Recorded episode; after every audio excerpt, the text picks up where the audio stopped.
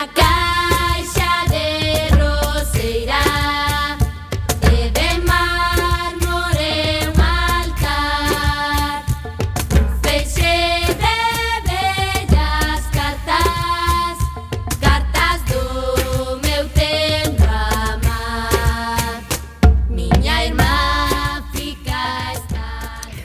Moi boas tardes, recendeiras e recendeiros. Benvidas e benvidos a este espacio radiofónico semanal dedicado á cultura, que facemos en riguroso directo todos os martes ás 7 da tarde, aquí, en Coac FM no 103.4, a Radio Comunitaria da Coruña.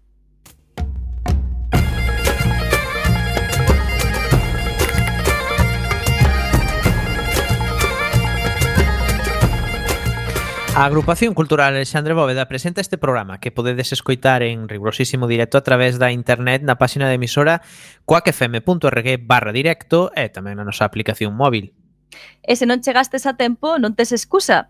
Podes descargar todos os programas xa emitidos en Radioco, o megapodcast da nosa emisora, ou tamén podes escoitalo na redifusión, que será os mércores ás 8 da mañá, os venres ás 16 horas e na madrugada do domingo ou luns ás 12 da noite.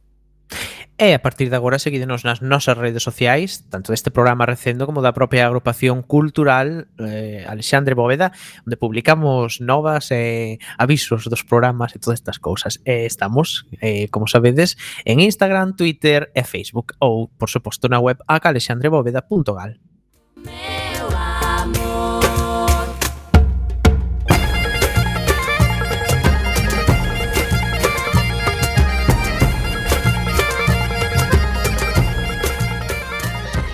E xa sen máis preámbulo imos caraló na procura desta fantástica aventura cultural con Roberto Catoira no control técnico e falándolles coa almanteira Miguel Anxo Facal e Marta López.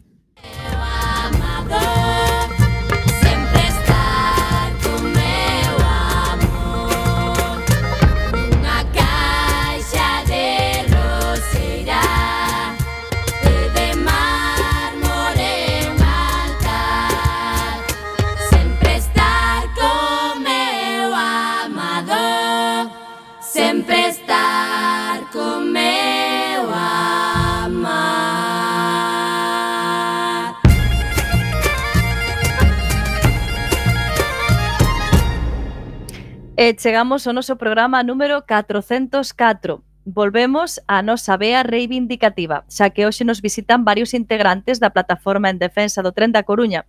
Os seus nomes son Alberto Díaz, María Begoña, María Bañón, perdón, e Santiago Lamelo. Santiago Lamelo. Tamén teremos a sección de audiovisual a cargo de María Núñez Veiga. E, como a todos os nosos episodios, falaremos das actividades da nosa agrupación e das outras cousas que se fan na Coruña e na Galiza e que, por suposto, pois tamén son cultura. E hoxe escoitaremos algunhas cancións galegas, por suposto, non podía ser de outra forma, que falan do tren. Así que presentamos xa a primeira peza de hoxe que supoñemos que xa nin será preciso identificar.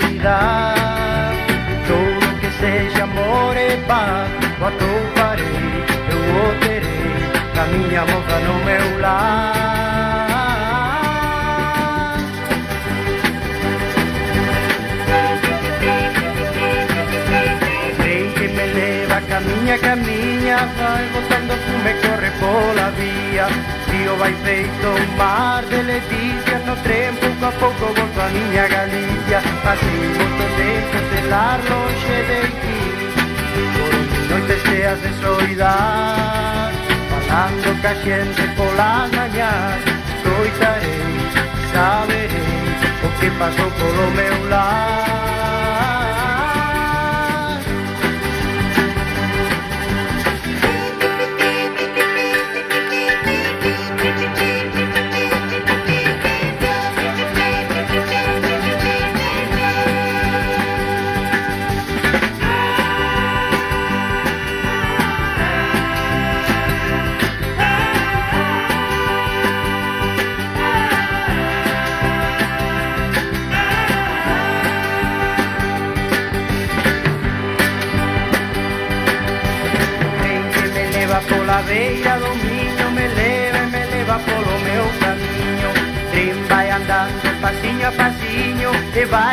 llevando caramel de simio al tiempo de ser que me espera en la estación.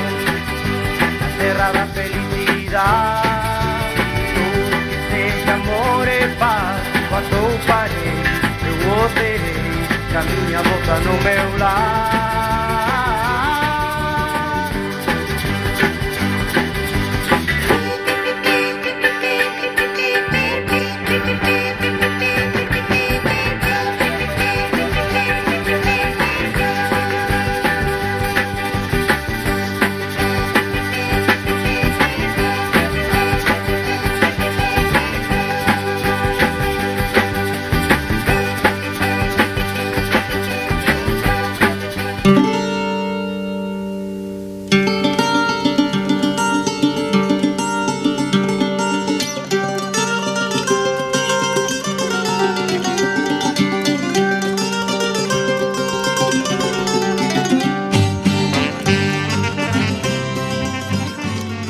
Imos dar paso agora ás axendas culturais e eh, ted en conta que son para dúas semanas, porque o martes que ven é festivo e non estaremos aquí en Recendo.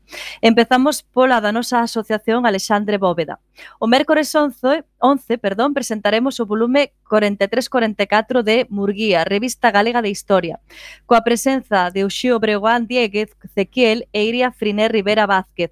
A revista celebra o seu vindeiro, o vindeiro ano 2023 o seu vixésimo aniversario. Uxío Breogán Dieguez Zequiel é cofundador e director da revista Murguía e Iria Friné Rivera Vázquez é historiadora da arte. O evento terá lugar ás 19.30 horas no noso local da Rúa Olmos, 16-18, primeiro andar. O domingo 15, a agrupación de escritoras e escritores en lingua galega, a agrupación cultural Alexandre Bóveda e o grupo Valdeorra sin fin da celebraremos as letras galegas coa lectura pública da obra de Florencio Delgado Gurri, Gurria, Gurriarán, autor homenaxeado este 2022. Comezará iso das 12 diante do Teatro Rosalía de Castro. E o luns 23 teremos a segunda das palestras do ciclo Pensando o Futuro. Teresa Moure, escritora e profesora da USC, falarános sobre feminizar o coñecemento como ferramenta para construir o futuro. O caso da lingüística. Sobre este mesmo tema trata o seu libro Lingüística escrévese con A, editado por Através. Será ás 19.30 horas no noso local.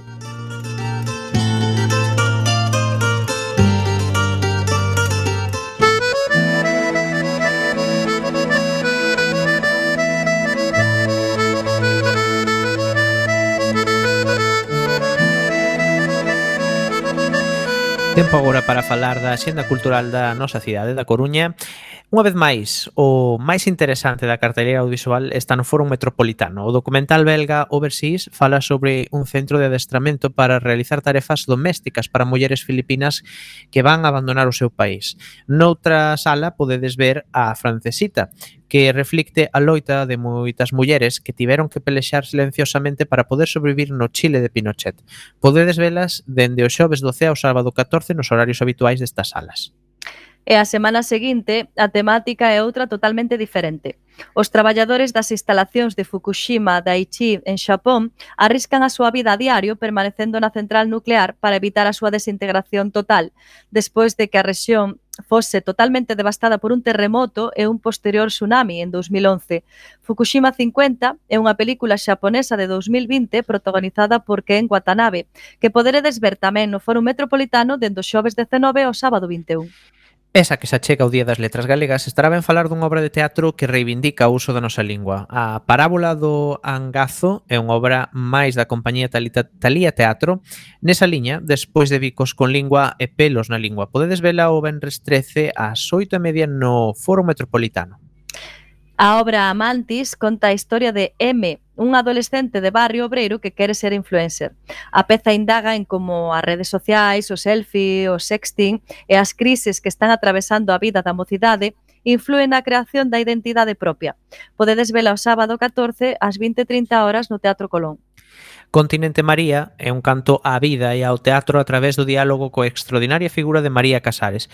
É unha coprodución de Aine Produccións con a Quinta do Cuadrante, o Concello da Coruña e o Centro Dramático Galego. Sobre as táboas estarán Melania Cruz, que estivo connosco hai xo unhas semanas, eh, temos un podcast aí que podedes escoitar, un podcast maravilloso, como sempre decimos, e o músico Vadim Djuknevich actuará o lunes 16 ás 8 e media no Teatro Rosalía de Castro, non vola perdades un cartel pendurado no manubrio da habitación. Por favor, arranxo o cuarto. Ao regreso da praia, as camas feitas, as toallas limpas e o baño impoluto. Son as que limpan, as invisibles que carretan ao lombo un sistema turístico precarizador. Podedes ver esta obra da compañía A Panadaría o Benres 20 e o sábado 21 ás 20.30 horas no Teatro Rosalía de Castro. E rematamos esta potente, potentísima programación de teatro galego en torno ao Día das Letras Galegas con Libre como os paxaros, a obra na que Teatro do Atlántico e a súa actriz estrela María Barcala renden homenaxe a Rosalía de Castro falando da súa vida e recitando algún dos seus poemas. Actúan o martes 17 ás 8 no Teatro Colón con entrada de balde. E na xenda musical destaca, destacamos que volve o Festival Infantil O Berce de Donaire, da agrupación cultural e folclórica do mesmo nome. Despois de dous anos sen poder celebrarse, nesta ocasión estarán acompañados polos compañeiros da ACE Santa María de Torás, da Laracha e da ACE Adro de Baio. Será o sábado 21 de maio ás 18 horas no Teatro Colón. E como todos os anos, o Servizo de Normalización Lingüística do Concello da Coruña organiza un concerto chamado Agora Son, con entradas gratuitas para todas as persoas que sacaron libros en galego das bibliotecas municipais. Nesta ocasión, o grupo convidado é Luarna Lubre, que presenta o seu novo disco Vieiras e Vieiros. Actúan o sábado 21 ás 9 no Ágora. E rematamos co ciclo Maio Jazz no Teatro Colón. O domingo 15 actúa a cantante, compositora e intérprete Ana Díaz, E o domingo 22 toca o Xan Campos Trío, liderado polo pianista Xan Campos. Os dous concertos son ás 20 horas. E non podíamos deixar de mencionar a presentación do libro Siri, unha viaxe cara a vida, a obra póstuma de Lino Braxe ilustrada pola súa irmá María, editada en galego e castelán por Hércules de Edicións, cuxos dereitos da venda irán destinados á Fundación Terra de Homes. Será o lunes 23 ás 7 na Biblioteca do Foro Metropolitano.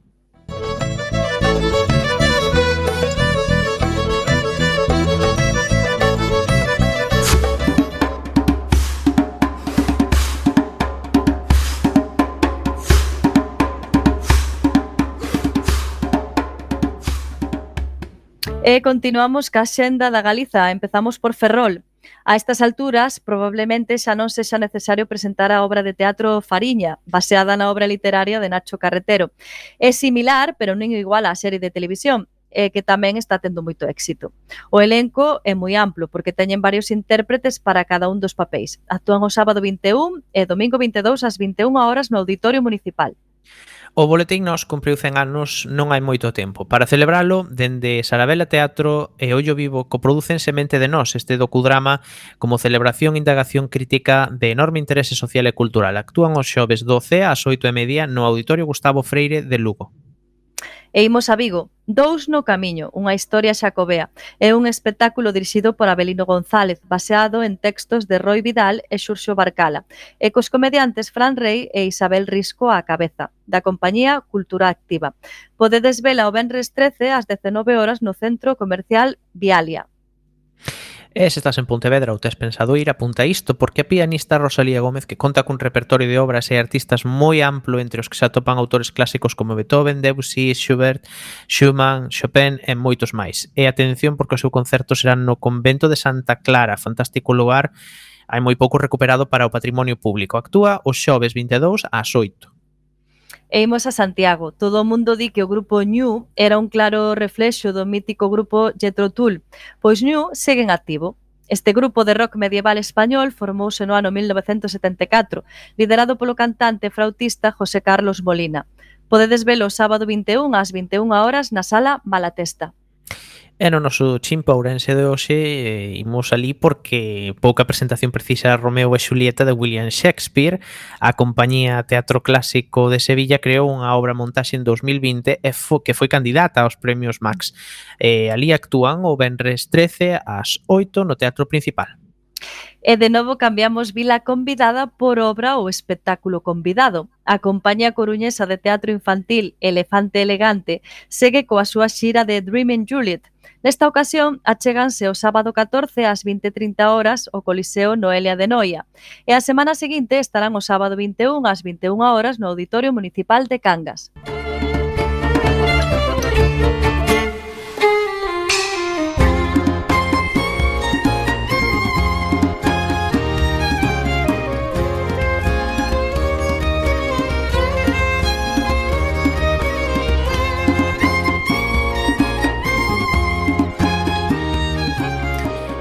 E por se non o adiviñastes, eh, por esa mensaxe sutil de escoitar o tren de Andrés do Barro, hoxe falamos en Recendo, falamos do tren, e aquí a chegada do tren a Galiza sucedeu un 15 de setembro de 1873, 25 anos despois da inauguración da primeira liña férrea do Estado español.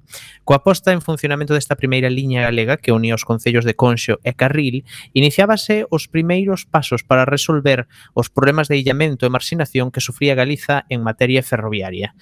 Case que 150 anos a situación dos ferrocarrís no país non é para estar contentos precisamente. Fronte á propaganda do Estado e da Xunta que nos venden chegar a Madrid no AVE en 4 horas, oponse a realidade do escaso desenvolvemento das liñas de proximidade ou de media distancia. Xa non que a rede non crecese de acordo ás necesidades e expectativas dos veciños, senón que o servizo foi decrecendo. Pensemos na odisea que supón facer o traxecto entre Ferrol e a Coruña, cunha duración duración dunha hora e cuarto para os escasos 17 kilómetros que separan as dúas poboacións, por non falar da imposibilidade de ir a Toburgo ou a Tarteixo. Co obxectivo de concienciar deste abandono, así como de presionar as institucións para que invirtan no desenvolvemento das vías férreas na provincia da Coruña, nace no ano 2013 a plataforma en defensa do tren da Coruña. Non se trata só de reivindicar o establecemento de novas liñas e estacións ou aumentar a frecuencia das liñas xa existentes ou de evitar o peche de estacións. A plataforma tamén defende que o tren convencional é o medio social por definición, ecolóxicamente sostible e unha ferramenta fundamental para a vertebración do territorio. A plataforma pola defensa do tren tamén ten en vista á privatización do servizo de ferrocarrís, pois o sistema ferroviario pertenza ao povo, xa que somos nós quen o construímos e quen o mantivo durante todos estes anos. Pero sen máis preámbulos, damos a benvida a Alberto e a María Santiago, de momento ainda non se pudo conectar, pero esperemos que sí que, que o faga, da plataforma en defensa do 30 Coruña. Moi boa tarde. Hola, buenas tardes. Que tal? Como estades? Bien, Moi ben, nos encantados de que, de que estedes aquí. E bueno, vamos a empezar, non sei que queres ser o primeiro en responder, pero, a ver, para desde a plataforma falades de, de tren convencional, pero exactamente a que vos referides cando falades de tren convencional? Vale. Alberto? Voy a, voy a empezar yo. El Muy tren bien. convencional, como define el diccionario de la Real Academia de, de la Lengua, es eh, Eh, lo convencional es algo que es habitual y tradicional, por lo tanto, el ferrocarril convencional que defendemos es ese que lleva 150 años, como ha dicho Miguel, existiendo, que ha permitido eh, vertebrar y, y, facilitar la comunicación en todo el territorio del Estado español y un ferrocarril que poco a poco se ha ido privatizando, se ha ido desmantelando y que en la actualidad pues está sufriendo las consecuencias de una mala inversión o de una nula inversión por parte de, del gobierno, ya que todas las inversiones están yendo para ese otro ferrocarril que es la alta velocidad. Uh -huh. Ben, eh, cando comeza este desmantelamento da rede convencional de trens en Galicia? Mm, en el año 84, en un Consejo de Ministros, fue la primera decisión drástica en cuanto a las líneas ferroviarias en España. Se, se cerraron eh, cerca de 3.000 kilómetros de, vía en aquel año. Y el proceso ha continuado y en estos momentos estamos asistiendo pues, al cierre de la línea Valencia-Cuenca-Utiel, que es una línea ferroviaria que vertebraba el territorio que une Madrid con, con el Levante. Y por lo tanto estamos eh, sufriendo pues una pérdida de servicios eh, ferroviarios en todas las líneas, eh, amenazadas incluso de cierre, mientras que se sigue invirtiendo el dinero pues en líneas de alta velocidad que realmente ni tienen la ocupación que deberían ni, ni responden a las necesidades diarias de cada uno de los ciudadanos en el territorio. Ni, ni permite la comunicación diaria en el ámbito de la provincia de La Coruña, ni permite la comunicación diaria con los centros de trabajo, ni con aquellos servicios esenciales, ni garantiza la comunicación, porque en estos momentos la línea Coruña-Ferrol, por ejemplo, solo tiene dos trenes por sentido al día. Eh, la pandemia ha supuesto una reducción drástica de servicios ferroviarios. En algunas líneas se han repuesto, pero la línea Coruña-Ferrol o la línea de Ferrol a, a Ribadeo y continúa hasta Asturias siguen sufriendo pues esa reducción de servicios eh, provocada por la pandemia y no se han repuesto hasta el día de hoy. Entendemos que es vital y necesario para que esas líneas ferroviarias tengan vida y sirvan para lo que se construyeron en su día, que es para vertebrar el territorio y permitir la comunicación y la movilidad de la gente. Ya que pensades que obedece esta política de, de inacción e de desmantelamento? Bueno, la política está clara, es eh, intentar eh, reducir al máximo esos gastos que genera pues, de un transporte como es el ferrocarril, ya que la rentabilidad económica es eh, muy difícil de conseguir en el ámbito de viajeros, en el ámbito de mercancías sí que podría ser eh, económicamente rentable, pero en estos momentos en el ámbito de las mercancías estamos moviendo en torno a un 3% de las mercancías que se mueven en todo, en todo el país. Por lo tanto, no se está aprovechando esa, esa realidad ferroviaria, pero el, el proceso de desmantelamiento responde a unas directivas europeas que lo que están buscando es grandes corredores, tanto de mercancías como de línea de alta velocidad, con inversiones que vienen desde Europa, que al final pagamos todos los ciudadanos, pero inversiones que, que vienen desde Europa que están permitiendo pues, eh, cerrar eh, líneas antiguas y construir líneas de alta velocidad por encima de esas mismas líneas con una inversión de más de 90.000 millones de euros que llevamos hasta la fecha. Uh -huh. Recordar que España es el segundo país del mundo con más kilómetros de, de líneas de alta velocidad construidas. Tenemos más de 3.000 kilómetros de línea de alta velocidad, un ferrocarril que utilizan nada más que 23.000 personas diarias mientras que las redes de cercanías, de largo recorrido y de media distancia las usan dos millones de ciudadanos eh, diariamente. Por lo tanto, las inversiones están totalmente equivocadas y entendemos que la alta velocidad no está sirviendo para lo que realmente tiene que servir el ferrocarril y más en un momento en el que el cambio climático es importante. Eh, hay que parar eh, eh, la situación actual en el medio ambiente y por lo tanto el ferrocarril es una parte muy importante en ese proceso de movilidad que permite mover con poca ocupación del espacio, pues eh, un gran número de toneladas de mercancías, así como un gran número de personas, eh, de manera eficaz, eficiente y ecológicamente sostenible. Uh -huh. María, Estamos... queríamos decir algo, perdón. -huh. María, Engadir tamén, eh, Alberto como traballador no sector, eu como usuaria asidua, eh, estudante que me movo bastante polo territorio, sobre todo na liña que é Coruña eh, Lugo e Coruña Ferrol. Logo provei moito o tren eh, desas que vertebra esas zonas e realmente ves que os horarios eh, non se adaptan para nada á xente como usuaria as horas non se adaptan a nin aos traxetos que temos que facer os estudantes, nin os traxetos que teñen que facer os traballadores. Non tanto polo tempo, porque sí que é verdade que, por exemplo, o tren permite che ir traballando, senón porque se o único tren que tes de Coruña a Ferrol é a 6.45 da mañá, uh -huh. é imposible que mm, intenten que haxa xente que o colle. Despois, Claro, din, non hai xente, pechamos esas liñas. Vale, pero dame uns horarios que realmente a xente poida empregar.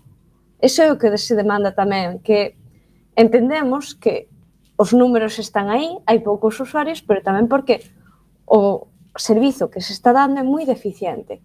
Por exemplo, en todos estos anos que estuve de estudante facendo esa mobilidade Coruña-Lugo e Coruña-Ferrol, vin como foron quitando os servizos, quitaban os dos mediodías, empezaban a poñelas máis cedo, vin como o desmantelamento foi paulatino nestes últimos eh, pois cinco, seis anos.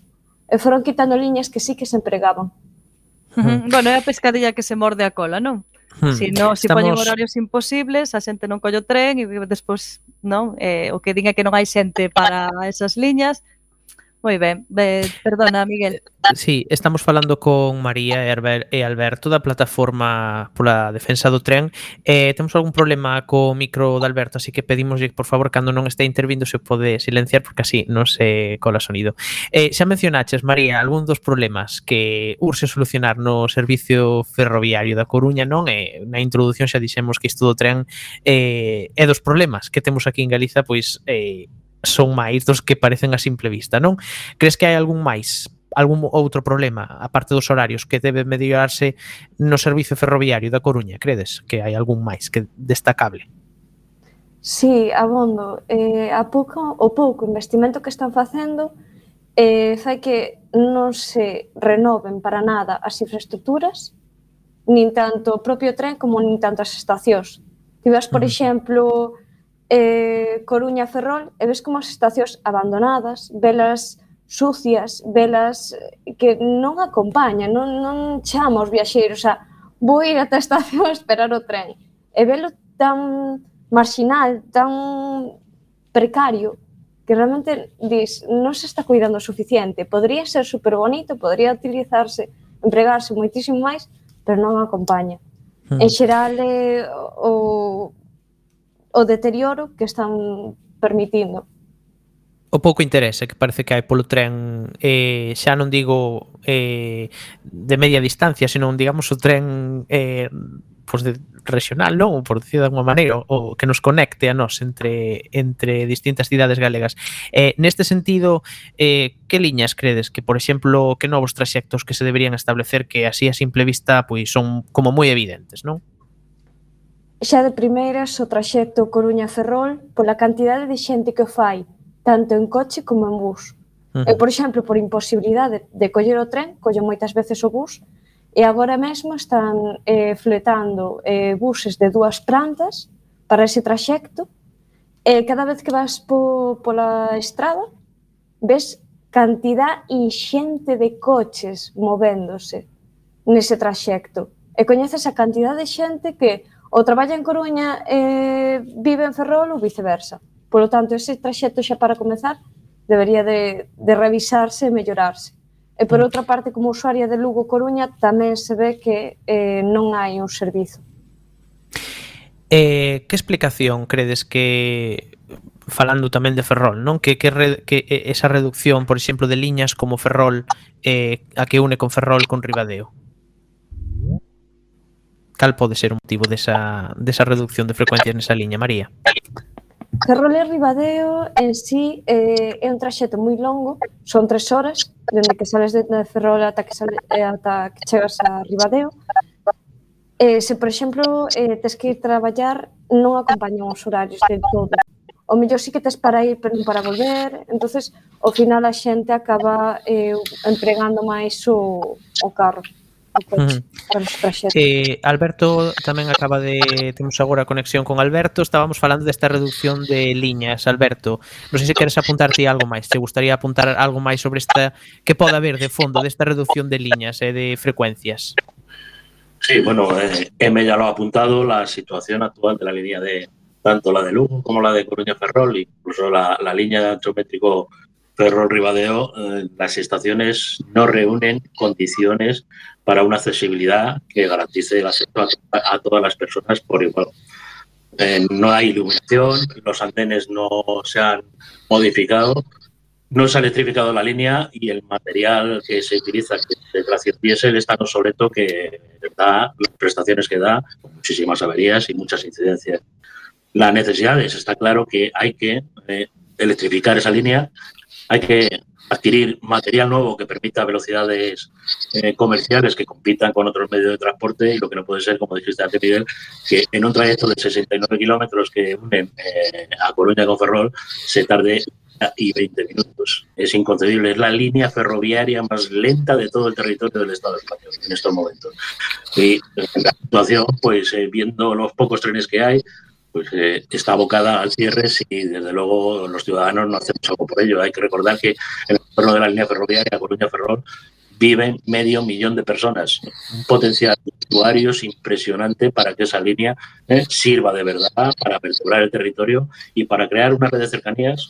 Galicia no tiene cercanías, salvo la línea Ferrol-Ortigueira de ancho métrico, no hay ni línea de cercanías en toda la comunidad autónoma. Llevamos tiempo sintiendo que se cree una red de cercanías que permita la movilidad en todo el entorno de la provincia es vital y necesario para sacar de, de la carretera y, y, sobre todo la ciudad los 150.000 vehículos que entran y salen diariamente.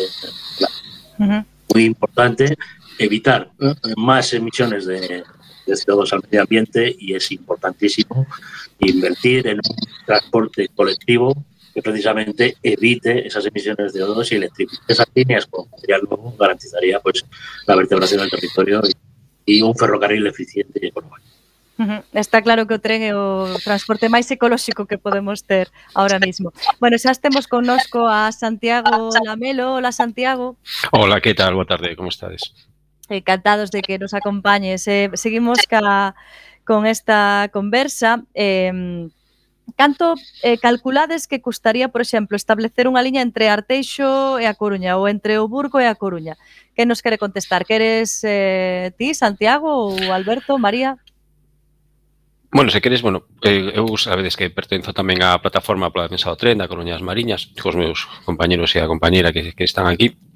Eh, fixérase un cálculo hai, hai tempo eh, que custaría, por exemplo, entre Coruña e Ferrol como mil millóns de euros, non? que calculaba fomento, pero eso era pensando nunha liña pois, pues, de alta velocidade. Non? É dicir, nós temos un cálculos, cálculos moito máis modestos que, bueno, a través de algúns enxeñeros que colaboraron coa plataforma, que falaban como eh, unha liña nova É dicir, se houbera que facer a nova entre Coruña e, e Ferrol, serían como uns 300 millóns de euros, vale? Pero claro, é que a liña non teria que ser nova, a liña habería que adaptar o que xa hai, dicir, aproveitar xa pois a infraestructura que está feita, non?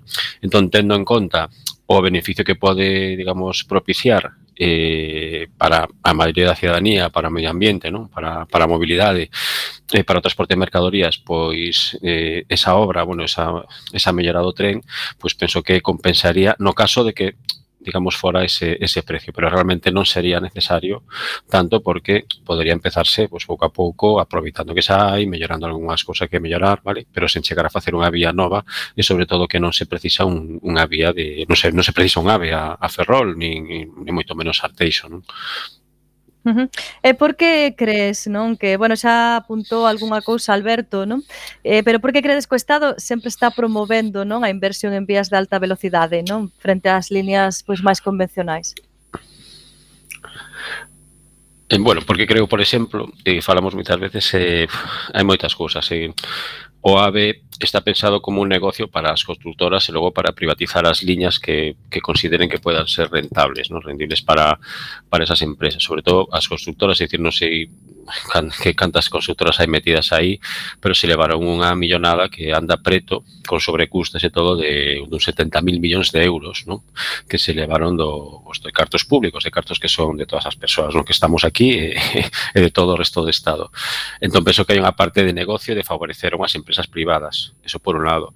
Segundo, hai unha especie de, como diría eu, de de marketing, de dicir como que somos unha pasada porque temos un mogollón de kilómetros de, de AVE, non? Dicir, bueno, temos un tren que é unha pasada, pero que usa só pues, menos un 4% da xente que viaxa no tren. Non?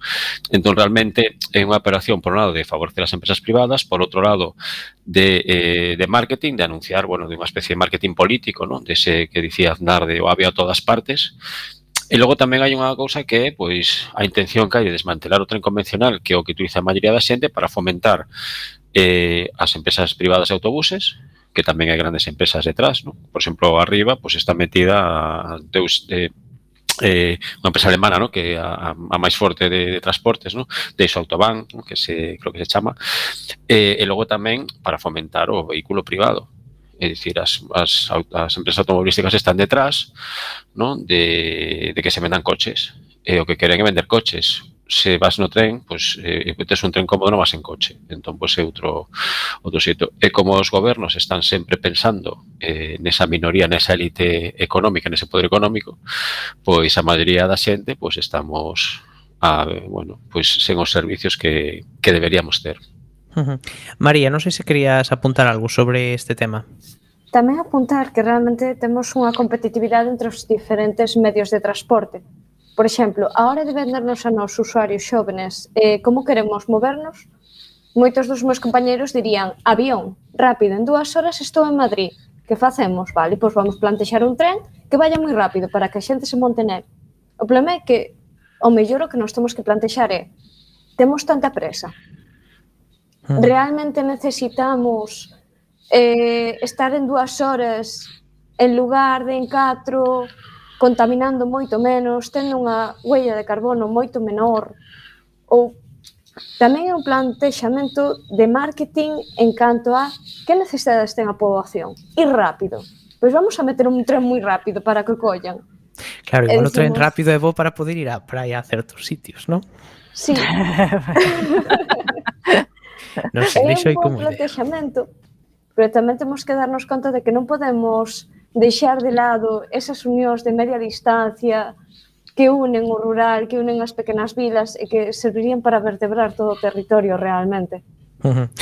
Pois moitas grazas María e imos falar con outra María, pero antes temos que presentar a sintonía da nosa sección de audiovisual.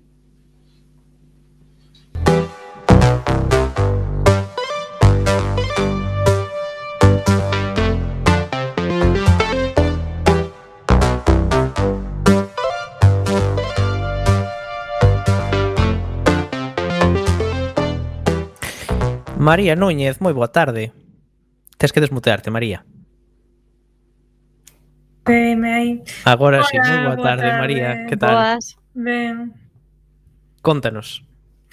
Pois nada, eh, aquí na miña na sección de hoxe que teño preparada, pois falarei un pouco dun dos documentais dos que non falei a última vez porque por mor da, da repentina morte de Pedro Grandariz quedei uh -huh. sen falar de dous documentais, un deles o vou deixar porque eh, resulta que que estiven falando hoxe, concreto. Sí, que, que estiven falando hoxe con Tommy un pouco para preguntarlle como andaba o, o documental, pero díxome que estaba Tommy, parado. Tommy, para quen non o saiba, deixame decirlle a audiencia, para quen non o saiba, é un dos fundadores de Quack FM.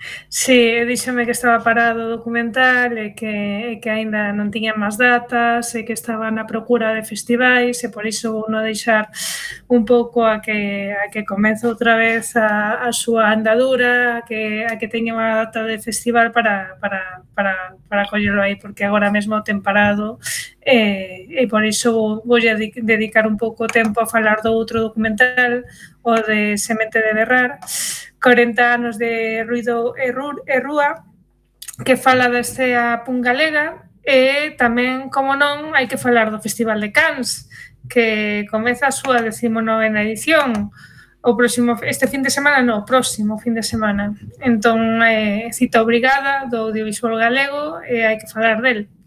Entón, pois nada, estas son as cousas das que vou falar hoxe. Comezo por Semente de Berrar, que está dirixido por Iago Santás, eh, que é un, bueno, realmente un, un director Nobel, eh, esta é a súa primeira obra eh, eh, que documenta 40 anos de contracultura galega a través de 39 testemunhas que aborda o que foron en Galiza pois eso, 40 anos de pan rock dende 1981 ata 2021. Está estruturado en catro capítulos e vaise relatando a historia do pun galego desde os inicios nos 80 ata a actualidade, facendo hincapié no marco histórico social e cultural que rodeou durante todos estes anos. Eh, falase, por tanto, do resto de movimentos culturais e eh, contraculturais que acompañaron o, o pan rock, o que rodea o pan rock, o que dependeron do pan rock, como pode ser o hardcore, o movimento skin, os movimentos de denuncia, eh, os espacios autoxestionados, falase das salas de concerto, dos selos independentes, de autoedición, do mundo dos fanzines, eh, un pouco un pouco todo o que rodea a contracultura galega. Eh, tamén, pois, por suposto, cosa en persoeiros de son 39 39 entrevistas con persoeiros de grupos como Sinistro Total, Radio Océano, Viuda Gómez, e Hijos, Lascivos ou, in, ou Bala, que un pouco dos, dos, dos últimos grupos que está que está que está a ter moitísima audiencia e a que está a petar dentro do mundo do punk rock. Tamén falase con, con, pues, con, con Beasto Recordings, co, co, co, cos donos do, do Bartolo, de Santiago, dos, e, e tamén co, coa xente da, da desaparecida nave 1839, de aquí da Coruña, que era un centro de autosestionado onde se producían, onde se facían concertos, non? Eh, por outra banda, eh, falar de que está a piques de comenzar o Festival de Cans, que retoma as súas datas orixinais, eh, coincidindo co Festival de Cannes eh, francés, e, eh, e, eh, e retoma tamén o seu formato festivo de sempre. Eh, que terá lugar, terá lugar, polo tanto, do 18 ao 21 de maio, eh, Este o festival dará comezo coa primicia do primeiro capítulo da serie Rapa, que é o novo thriller creado por Pepe Coira e Fran Araujo, que está dirixido por Jorge Coira, e que protagonizan Javier Cámara e Mónica López. Toda a serie ten lugar na zona da Serra Capelada, e, bueno, en Pobos como a Cedeira, que é onde sucede parte da acción tamén, e, e que se poderá ver en Movistar a partir do 19 deste mes.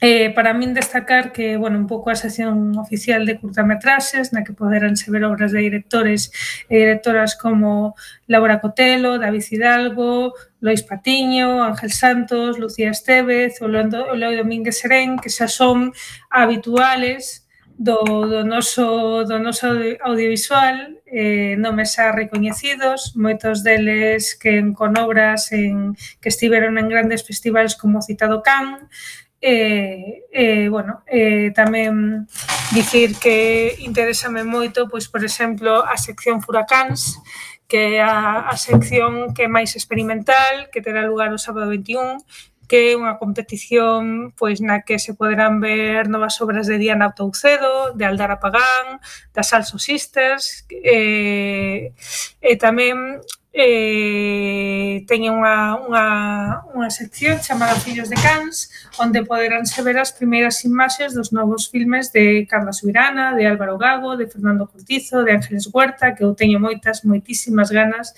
de ver a última obra de Ángeles Huerta e tamén pois de Alberto Gracia ou Joao Nicolau.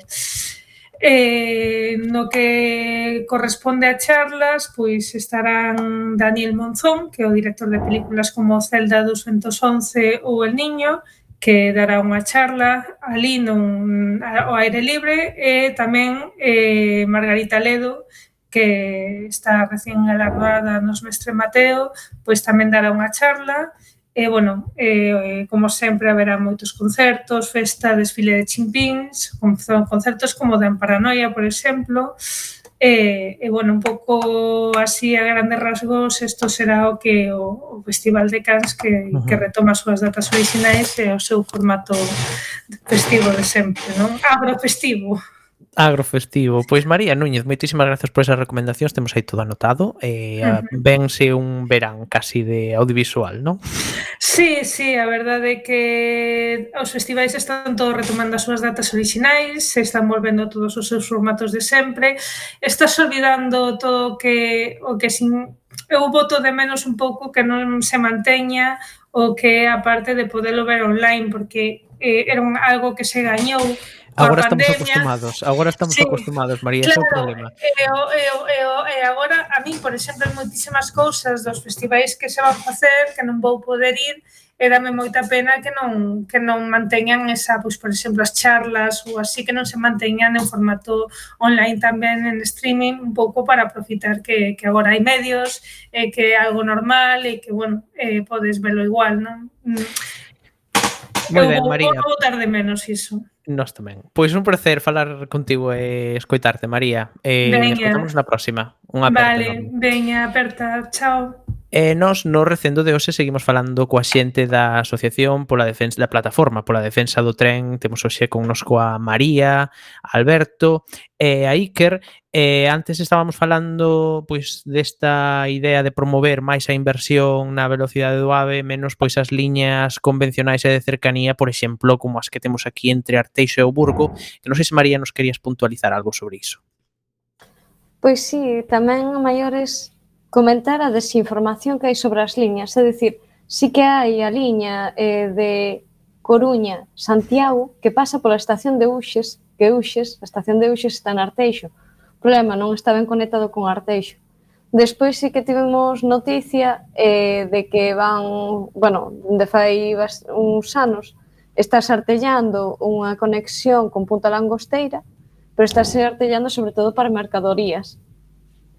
Logo, sí que se podría aproveitar de alguna forma. Esa desinformación tamén está eh, unido o Burgo eh, por ferrocarril no traxecto que vai dende Coruña ata Ferrol e tamén para no campus del Viña para estudantes. Pero claro, realmente ao final estamos totalmente desinformados e eh, Unha parada que tamén está, unha parada que tamén está abandonada, os que estudamos na Coruña sabémolo moi ben. Eh, que dixen antes Iker, non, Santi, de Iker Jiménez, din por aquí, non, Santi da plataforma pola defensa no tren. Eh, agora vamos a abrir aquí un melón porque eh, non sei se relacionado con isto tamén eh, resulta que mm, vos tamén considerades que é moito mellor invertir no tren convencional que nas liñas de alta velocidade como AVE, como AVE. non sei se moito do que falamos está relacionado tamén pero por exemplo se nos queredes comentar algo sobre isto, por exemplo Alberto Vamos a ver, lo acabo de apuntar M. Eh, tenemos eh, una red ferroviaria en el entorno de la ciudad de La Coruña, con vías que permitirían la construcción. Ya lo hemos hecho como documento, lo hemos aportado, se ha utilizado en algunos de los proyectos que se han presentado en el ayuntamiento. Hay un proyecto de una red de cercanías que permitiría vertebrar toda la provincia y comunicar polígonos industriales y, y las poblaciones más cercanas. La construcción de Punta Langosteira va a suponer una inversión de 180 millones de euros, 180 millones de euros para construir un túnel que saldrá desde Langosteira para enlazar con las mismas líneas ferroviarias para sacar las mercancías que existen actualmente. Por lo tanto, atravesarán el eje atlántico y saldrán por la línea de Lugo. No hay autopista de mercancías que, como se vendió el otro día en la charla que nos dieron, que asistimos en el puerto, no hay eh, esa autopista de mercancías para poder sacar las mercancías verdaderamente de, de A Coruña, de Ferrol y de los puertos de, toda Galicia. Esa inversión debería de ir eh, enfocada a la, creación y a la construcción de esa red de cercanías que, es vital y, necesaria. Por otro lado, eh, decir que, bueno, eh, ante la situación pandémica que hemos tenido, no hemos podido desarrollar ningún tipo de actividad ni, ni movilización que nos permitiera pues, reivindicar lo que llevamos años reivindicando. Por fin lo hemos conseguido y hemos conseguido pues, bueno, una movilización que se va a desarrollar a finales de este mes, una movilización bastante importante y contundente. Se va a desarrollar desde Bilbao hasta Ferrol. Durante cuatro días, desde el 26 al 29 de mayo, iniciaremos el viaje eh, en Bilbao y cada día iremos pasando por una de las comunidades autónomas donde los colectivos, movimientos sociales y, agentes sociales pues van a participar y vamos a hacer pues una como si fuera un recorrido por relevos, aunque haya gente que haga el trayecto entero, un recorrido por relevos en las que nos vamos a ir pues entregando el testigo que será la pancarta de cabecera y en la que vamos a ir reivindicando y haciendo ruedas de prensa y todo tipo de actos desde Bilbao hasta Ferrol del 26 al 29. La plataforma de Coruña tira de, de A Coruña a las 6.38 de la mañana en el primer tren que hay a Ferrol, que solo hay dos.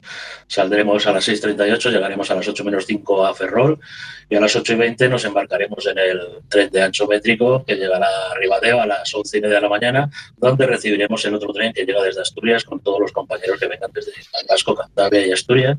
Haremos una rueda de prensa en, en Ribadeo, intentaremos hacer un pequeño recorrido por lo que es eh, el pueblo de Ribadeo, llegando hasta la Plaza de España, creo que se llama, y volveremos a las 3 de la tarde para llegar a Ferrol a las 6 y pico y la plataforma de Coruña cogerá el tren a las 7 y cuarto de ancho ibérico para llegar a Coruña a las 8 y media de la tarde. Es una reivindicación que incluye la línea de Coruña-Ferrol y que desde luego ha costado muchos esfuerzos, pero yo creo que va a suponer pues, una movilización contundente que esperemos suponga un antes y un después en esta línea.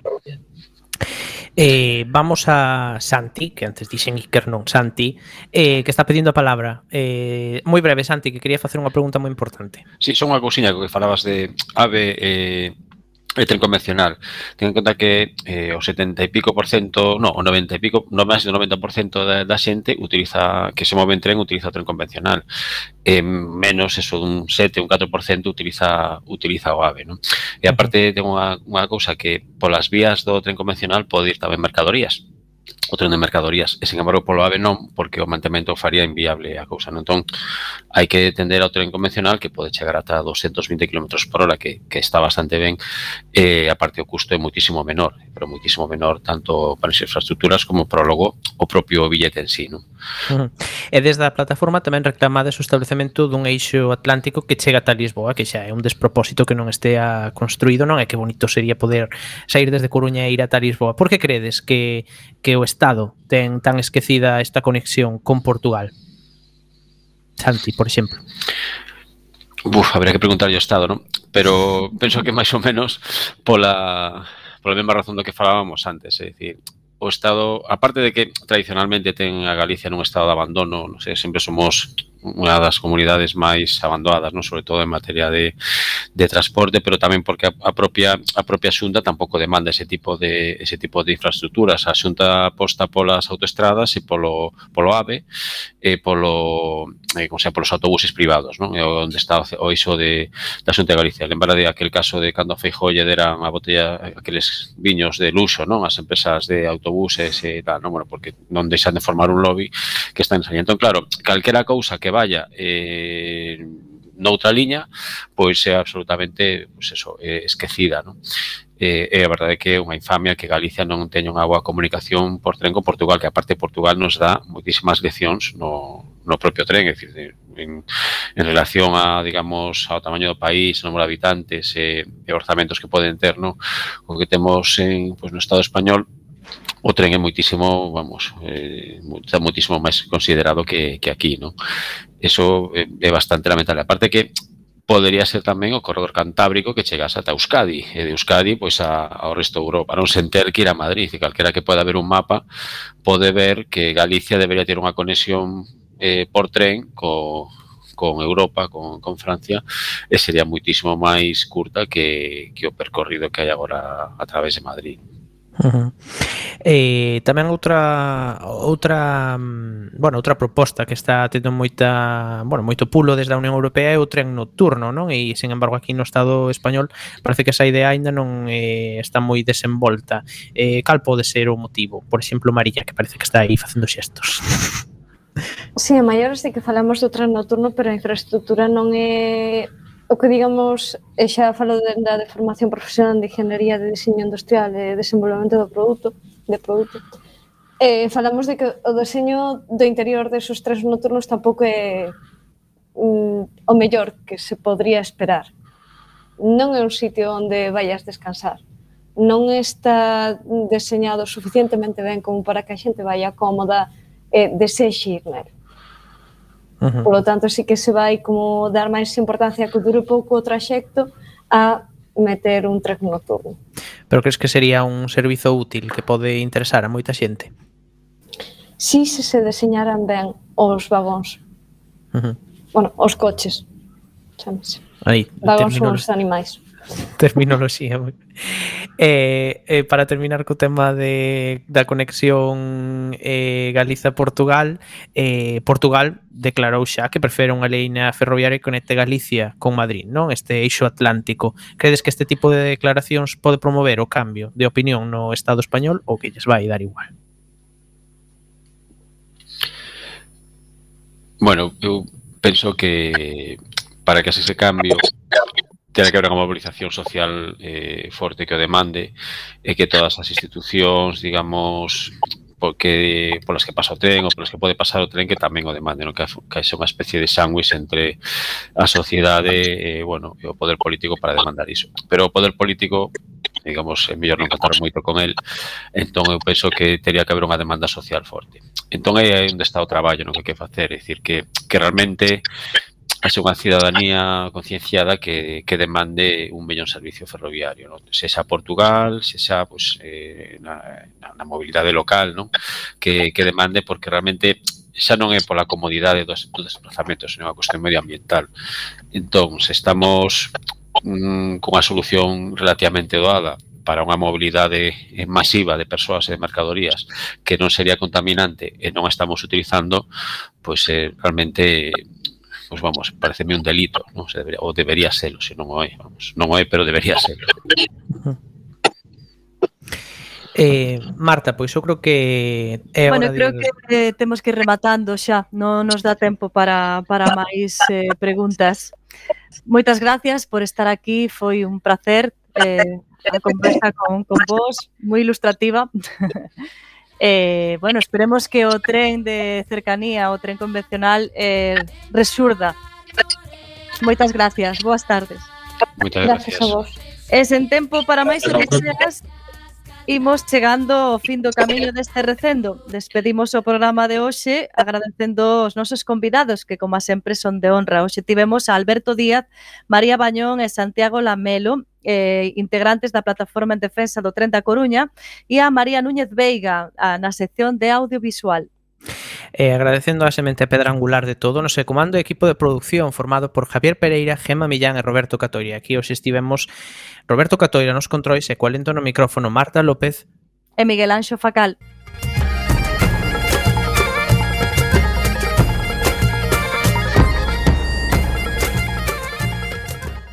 acompañándote neste recendo de palabras e de imaxes radiofónicas que nos traen este aroma cantado na nosa lingua e que nos permite hoxe tamén no futuro a permanencia da palabra, da música e da implicación e o compromiso coa nosa nación, a Galiza. O vindeiro martes é o Día das Letras Galegas, polo que non teremos programa. Escoitámonos iso así o próximo martes 24 en directo nesta emisora coa que FM da Coruña, xa sabedes, recendo as mil primaveras que terá o noso idioma. Ata logo. Traeme.